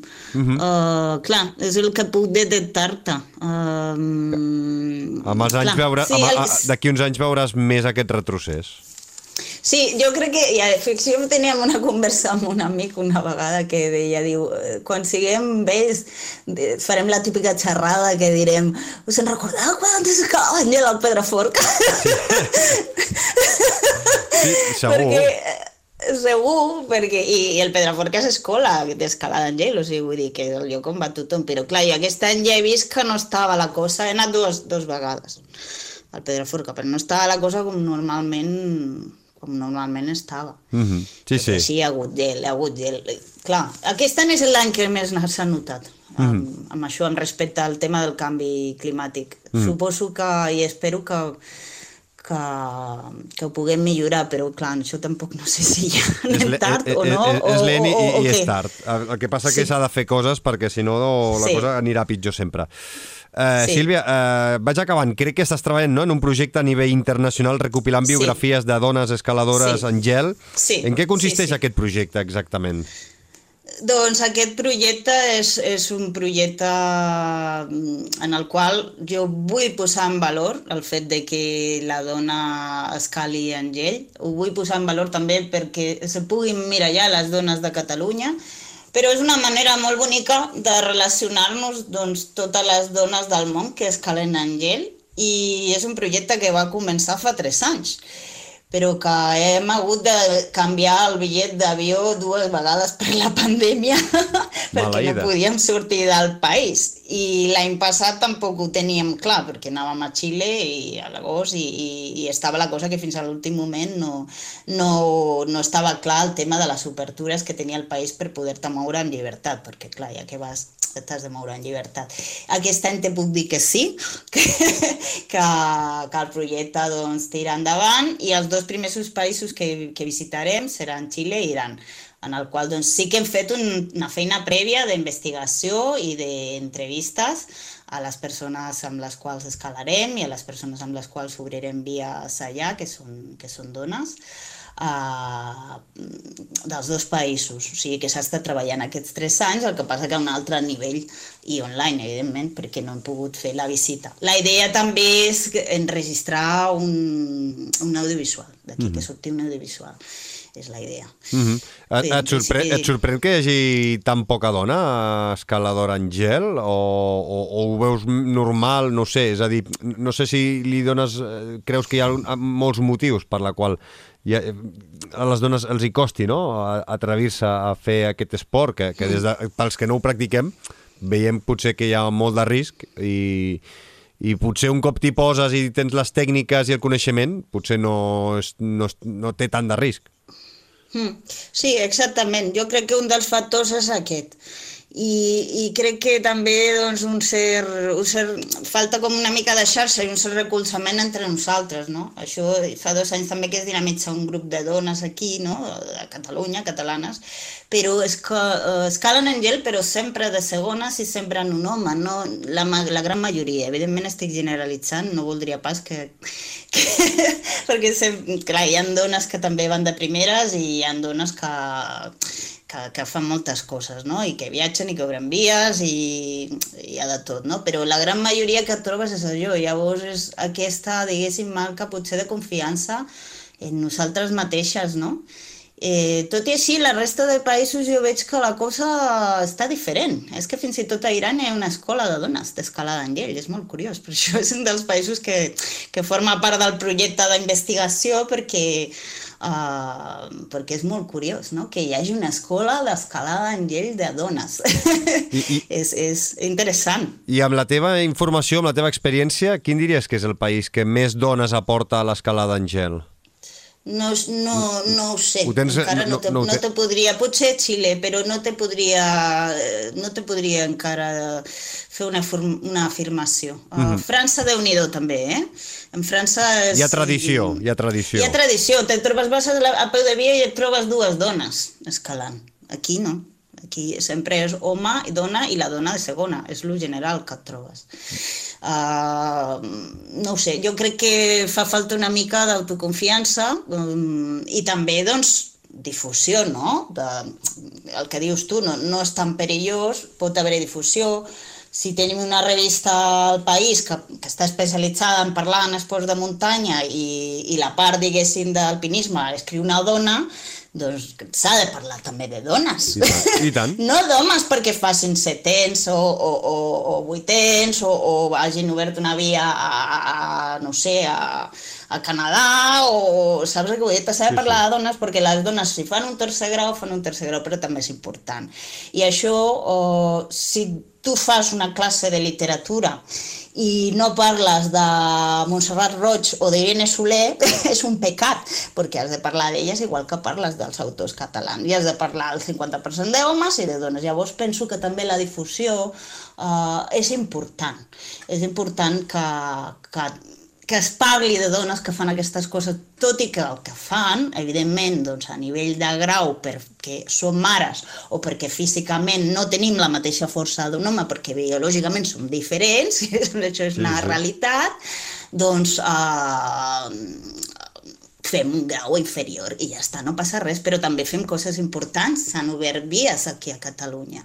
Um, no ho sé, mm -hmm. llavors això també s'ha de saber. Pues, eh, deixem que eh, eh, digui no, pel, pels oients eh, que aquesta temporada la Sílvia no, has obert quatre noves vies d'escalada en gel, dues a Catalunya en solitari i dos a l'Ariège, no, a França sí. eh, que, i que ets la primera dona, com a mínim, que, que estigui notificat, que obre les vies, que, que obre vies de, de gel en, a, a Catalunya.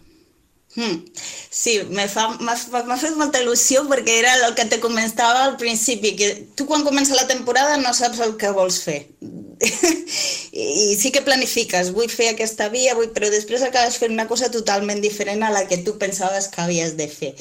Uh, jo no pensava pas que obriria vies aquest any perquè sí que l'any passat anava una miqueta amb la intenció de buscar algun ressalt, per posar-la al nom de la meva àvia, per fer un homenatge personal, etc etc. Però aquest any, de veritat, no, no anava en pas amb cap intenció d'això.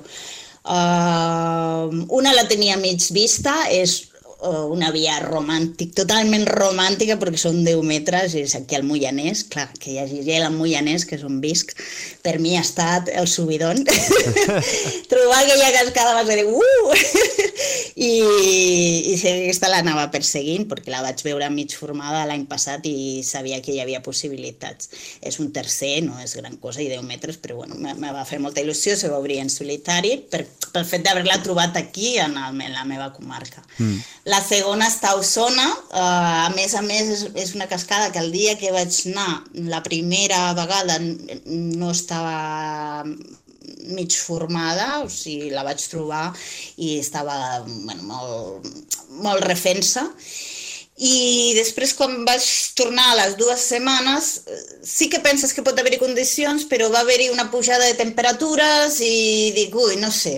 I allò que surts de fer una classe, te'n vas a veure la cascada, perquè, clar, has de combinar la teva vida, i, i me la trobo, i portes els gatges a sobre per si de cas, no? I sí, sí, me la vaig trobar feta, i va ser també un subidon perquè no, me la mig esperava, però tenia molts, molts números de canó i molts dubtes, sí, sí, sí. I a més a més vaig trobar un ressalt de regal, perquè només coneixia dos ressalts d'aquesta cascada i, i vaig trobar un, un segon ressalt i va ser fantàstic aquesta és un, un tercer mes, una cascada de tercer mes, i les altres, que són més serioses, sí que les he obert a l'Ariaix i les he obert amb un company. Ha sigut una jornada mixta. Uh mhm. -huh. Són cascades de quart mes, una de 190 metres, que déu nhi posaven, sí, li vam posar de nom la petita, la petita reina.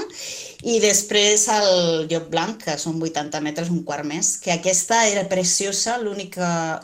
Aquesta va ser que anàvem a, a per unes altres. Vam fer la nit en un refugi lliure i les altres ens va semblar des del refugi perquè es veien que, que, estaven, que no estaven bé, eh, perquè es veia com la columna que la part de sota no hi era i aquestes també anàvem a fer una primera ascensió eh, perquè hi havia 4 o 5 i dos d'elles ja les havien obert eh, els companys i no les van veure bé, però de retruc, al costat del refugi, van veure una canal de 250 metres, de 60 graus, de, de neu, i al final hi havia una cascada. I va dir, ui, és interessant. I sí, sí, després van comprovar que era que havia estat una primera ascensió, un quart més també. Mm -hmm. Molt interessant. Clar, ara, i, amb això acabo perquè és un dubte que m'ha entrat ara, no? És a dir, quan una persona obre, un escalador obre una via en, eh, en roca, eh, la via queda sempre marcada, no?, a la roca. Eh, en, en una cascada de gel, quan tu dius que has obert una via, la, el gel quan es trenca es desfà, l'any que ve Tu pots dir que has obert aquella via, però la, la, el, la, el que és la cascada és idèntica d'un any a l'altre o no? No, i a més a més és possible que no estigui, Clar, perquè eh. la del lob blanc fa pinta de que aquella és molt efímera i no sabem si s'arribarà a formar. L'altra, la, la petita reina, és possible que sí. Tot i així són cascades, ja et dic, que duren una setmana o dos perquè de seguida els entra el sol. No mm. és una cara nord, cara nord i són molt efímeres. Sí, és possible que no se torni a escalar mai més o que hi hagi una repetició o dues. I eh, us deixarem a les notes del, del podcast l'enllaç de l'Instagram de, de la Sílvia, la trobareu també per si ho voleu fer directament, Free and Mountain, eh, allà veureu a la Sílvia escalant en gel, eh, majoritàriament eh, tens una, un buc de fotos eh, on se't veu escalant en tot tipus de, de, de cascades, de gel, en ressalts, eh, bueno, així també estareu situats eh, una miqueta del que és el que hem estat parlant durant aquests eh, 38 minuts. Eh, Sília, un plaer i moltíssimes gràcies eh, per posar-te en contacte personalment amb mi i poder tenir aquesta conversa amb tu. I espero que, que els oients doncs, els hagi semblat tan interessant com a mi perquè la veritat, eh, poder parlar d'escalada d'Àngel i sobretot amb una dona eh, ho trobo que és una bona forma de reivindicar que hi ha esports que sembla que només no, són més eh, per homes i que va, vull dir que això et demostra que les dones podeu fer el que vulgueu eh, en tot moment i que s'han de trencar aquests tabús de vegades. Eh? S'ha de dir clar que si una dona vol fer qualsevol pràctica esportiva, per difícil que sigui, doncs eh, sense por i endavant. Doncs molt bé, moltíssimes gràcies a tu, que també m'ha fet molta il·lusió, perquè m'han entrevistat per altres coses, però mai per l'escalada en gel, i, i per mi, la veritat, és una cosa que és molt, molt de cor i molt, molt passional dins de la meva vida, i llavors m'ha fet molta il·lusió també de que, de que m'entrevisti, així que moltíssimes gràcies. Doncs Sílvia Martín eh, Molina, cuida't eh, molt. Una abraçada, fins aviat. Adeu. Busca'ns i subscriu-te a qualsevol de les principals plataformes de podcast. Spotify, Apple Podcast, iVox, Google Podcast i moltes més.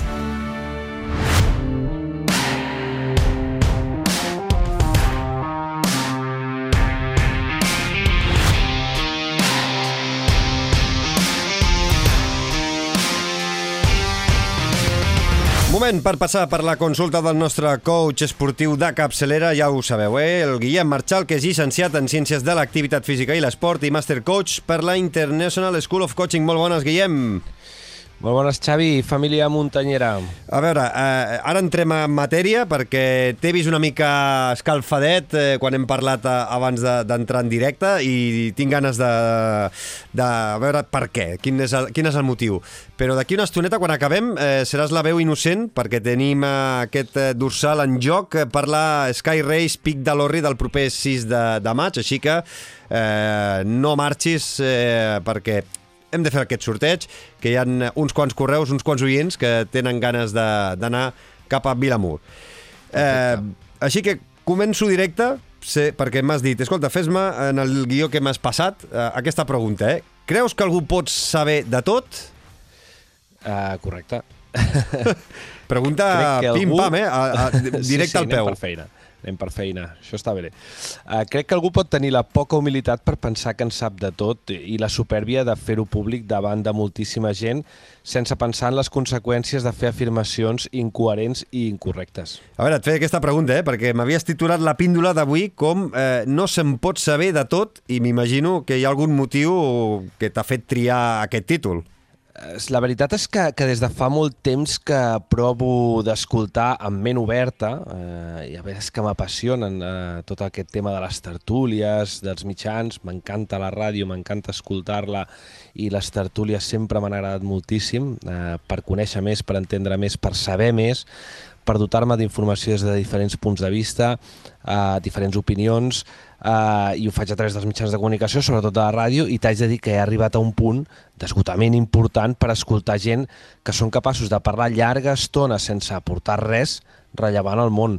És a dir, que començo a confondre ja les tertúlies serioses eh, amb les, jo què sé, de Telecinco i, i per desgràcia comencen a estar totes dues a l'apartat que tinc al cervell de coses que m'importen més aviat poc. I per què has dit ara, per, per desgràcia? Doncs perquè m'agrada estar informat, eh, m'agrada formar part de manera proactiva de l'actualitat i m'agrada saber més de les coses i aprendre una miqueta més de tot plegat cada dia.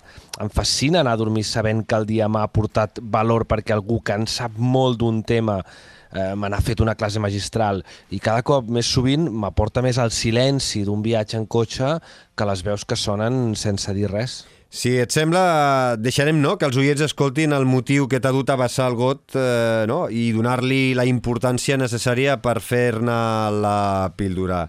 Uh, sí, la setmana passada al món a, a rac Uh, un tertulià doncs, eh, explicava o feia aquesta pregunta i després acabem de, de contextualitzar. No fa mal també o, o no ajuda o, o, o no fa encara més pressió que aquests adolescents. Dius a la pressió de TikTok ne sumen una altra. Que és veure eh, que sons pares tampoc accepten el seu cos. Ni el pas del temps ni l'aparició de les arrugues als ulls ni engreixar-se a partir del, ni la panxa a partir dels 40 ni, eh, ni engreixar-te quan te ve la menopàusia i que la gent s'aixeca a les 5 del matí quan té una feina normal de matí i tarda per, eh, per, per, per matar-se a, a córrer, per aguantar-se prim. Eh, és a dir, el, el, el que veuen ells també és això, un món d'adults que no accepta majoritàriament el, el cos i el, i el pas del, del temps. Eh, eh, no, no és una mica hipòcrita carregar els neulers únicament sobre, sobre les tecnològiques quan, quan els que som adults i som més responsables eh, també estem des de fa bastant temps abonant un món de eh, culte al, de, de, deificació del, del cos. Doncs, doncs això eh, va ser eh, això va ser eh, la tertúlia eh, parlant amb el, amb el cap de, de psicologia infantil eh, de, del Sant Joan de Déu eh, una mica que estava intentant exposar eh, quins eren els grans problemes eh, que provocaven trastorns de conducta en els nostres adolescents i sobretot focalitzat moltíssim en, el, en els temes de suïcidi. Uh, i em sembla um, una pixada fora de, tosta, uh, de, fora de testa en tota regla. Suposo que després d'escoltar això us heu sentit igual que jo i us haurà vingut al cap el que em va venir a mi. En sèrio? Vostè que fa la impressió de ser el rei de l'esmorzar de cap i pota, amant sedentari del bon viure, vostè ha de culpabilitzar la gent que fa esport, llevi a l'hora que es llevi, dels trastorns que pateixen milers d'adolescents? Perquè al final el que em sembla a mi és que el que fa és associar no? el fet de voler estar en forma no? de, de, de les mares i dels pares amb una influència negativa que exerceixen no? o, o que exercim sobre, sí, de, sobre els nostres fills. Em sembla repugnant que algú, al programa de més audiència de la radiodifusió catalana, pugui fer una afirmació d'aquest tipus eh, i que ningú li digui res. Us recomano que escolteu sencer eh, el, el podcast d'on va sortir aquest tall, sobretot aquells que teniu fills i filles, perquè resulta una lliçó brutal sobre el que signifiquen els trastorns de conducta en adolescents i les actituds suïcides, eh, perquè dona una classe magistral a, a, a aquest, a, al cap de, de, de psiquiatria o de psicologia de, de Sant Joan de Déu. Però llavors, amb més raó, despreciareu el silogisme entre pares i mares, activitat física i trastorns de conducta o suïcidis. Per tant, a la pregunta que li fa en Josep Martí, el coordinador de conductes suïcides de l'Hospital Sant Joan de Déu, en Francisco Villar, sobre la responsabilitat dels adults com a mirall dels joves, quina creus que, que hauria d'haver estat la, la resposta? És que se, se li ha de dir alt i clar al senyor Martí que no hi ha cap relació senyor Martí, l'objectiu de fer esport va més enllà de tenir una figura bonica o un pes adequat. Va de sentir-se bé, va d'enfocar-se en el que és realment important, va de despreocupar-se de les preocupacions i de prendre bones decisions. Va de tenir un hàbit saludable i de ser exemplificador amb ell. Va d'ensenyar més que d'obligar i de predicar amb l'exemple en comptes de lliçonar. Sobretot això, no? Ser un exemple en positiu cap als nostres Evi fills evidentment, i, i que aquesta relació miserable no us faci canviar per sentir-vos que no esteu fent el millor pels joves dels que sou referents, ja siguin fills, filles, nebots, nebodes, nets, netes, alumnes, esportistes, etc. Sou influencers i teniu uns followers que us idolatren i que voldran imitar-vos, així que potser millor que s'emmirallin en algú que s'estima la vida i tot el que li ofereix que no pas en algú que ha decidit passar per la vida de puntetes. Qui fa esport no pot ser una mala influència, crec, eh? mai, mai mai a la vida. Eh, aquí hi ha molts valors de, de, de sacrifici, vull dir, al final hi ha molts, molt, o sigui, molt més eh, que enllà que no només eh, perdre panxa, com diu en Josep Martí. No, és clar i tant. de fet, ens hem de fer rebels davant de l'estigma de la gent que no té ni puta idea dels beneficis que aporta l'activitat física pel nostre cos, pel nostre cap, per la nostra ànima i pel nostre cor.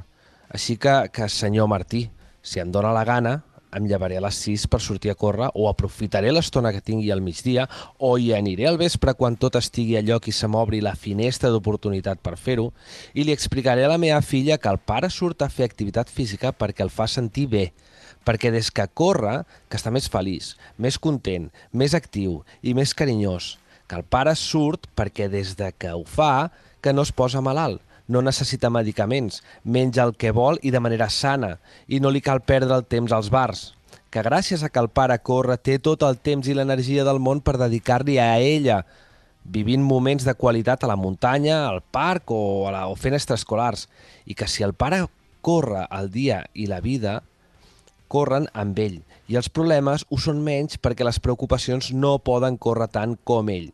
I la meva filla em mirarà, em somriurà, em farà una abraçada ben forta i em dirà que m'estima per ser com sóc. I senyor Martí, sóc com sóc perquè vaig descobrir la muntanya i el córrer. Bueno, Guillem, crec que queda clar que no tothom pot saber de tot i que fer activitat física mai, mai, mai pot ser un problema, sigui l'activitat física que sigui. Fer-la amb seny, això sempre, mm, mai és cap problema i molt menys eh, no és un mal exemple eh, cap als nostres fills. Hi ha molts mals exemples que fem moltes vegades eh, cap als nostres fills i que hem de corregir. Està clar, no som mai, mai serem els millors pares ni les millors mares i cometem errors. Fer esport mai és, eh, ha de ser un problema cap, a, cap als més petits de, de la casa. Totalment eh, d'acord. Guillem, dit això, eh, a veure, anem a resoldre el, el sorteig, evidentment, eh, que cadascú tregui les seves conclusions i estarem encantats de llegir-vos, ja sigui a la comunitat de Telegram o a través de les nostres xarxes socials o a través del correu electrònic. Eh, tenim aquest eh, dorsal eh, per fer o la de 50 quilòmetres o la de 25 quilòmetres de l'Sky Race Pic de l'Orri del proper 6 de maig. Hem rebut un total de 20 correus electrònics de Fem Muntanyeros i Fem Muntanyeres Premium. Seràs la veu innocent. Tu mateix, de l'1 al 20, quin número em dius? Doncs el que no es diu mai, a l'1. L'1, doncs eh, mira, eh, el número 1 és el David Gai i Teyo, que diu m'agradaria participar al sorteig de la inscripció a la cursa de 50 quilòmetres. La pregunta que feia més eh, en quina estació, a quina estació d'esquí pertany eh, el pic eh, de l'Orri. Evidentment, en responia Pic de l'Orri és de l'estació de Porta Inés. Salut, David. Doncs el David Gai i Teio, que s'emporta aquesta inscripció que vam engegar ara fa 15 dies. Eh, moltes gràcies a tothom, els que heu participat, perquè a més a més de... Que, és que a vegades m'emociono i tot i no puc respondre als correus perquè ja més temps no li puc dedicar, eh? perquè de debò que fer el, el fer muntanya, fer l'actualitat eh, i mm, coordinar-ho amb la família, amb la feina és bastant complicat i m'agradaria contestar-vos a tots els que participeu als concursos i ens envieu doncs algun mail, eh? Però a més a més de contestar-nos i de voler participar, eh, envieu coses ben, ben xules i ens doneu les gràcies i això la veritat és que és el que ens dona benzina per, per tirar endavant cada setmana al Fem Muntanya. Doncs el David Gai, que el, el proper 6 eh, de maig, d'aquí no res, estarà a Vilamur participant a la cursa a la distància de 50 quilòmetres que la gaudeixi, que gaudeixi aquesta primera edició i que allà doncs, eh, veurà grans corredors i, evidentment, a un d'ells l'Abel Carretero. Eh, Guillem, ens escoltem d'aquí 15 dies. Cuida't, moltíssimes gràcies. Igualment, moltes gràcies i salut a tothom. Envia'ns les teves opinions a través de Twitter, Instagram o del correu electrònic femmuntanya arroba femmuntanya.cat.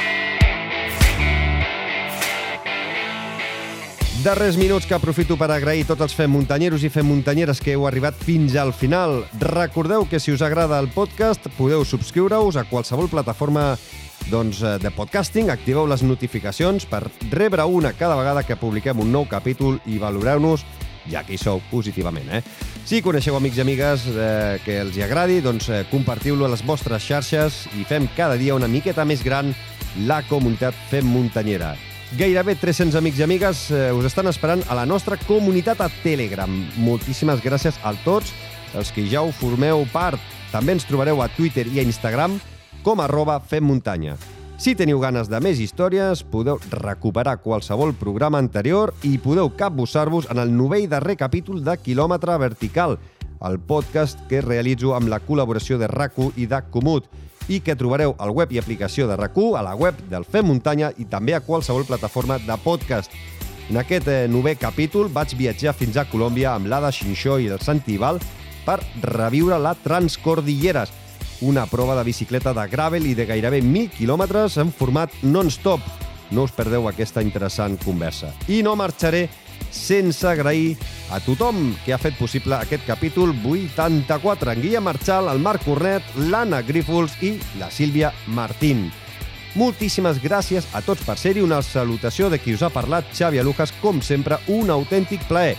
Tornem d'aquí dues setmanes, que passen molt ràpid, amb més històries i no us oblideu que cada dimarts teniu l'actualitat amb l'Albert Torrent d'ultrascatalunya.com i el Robert Mercè amb tota l'actualitat sobre el món de la BTT. Fins llavors, gaudiu i sigueu molt feliços, amb salut seny i, sobretot, molta muntanya. Fem muntanya, l'esport outdoor en català.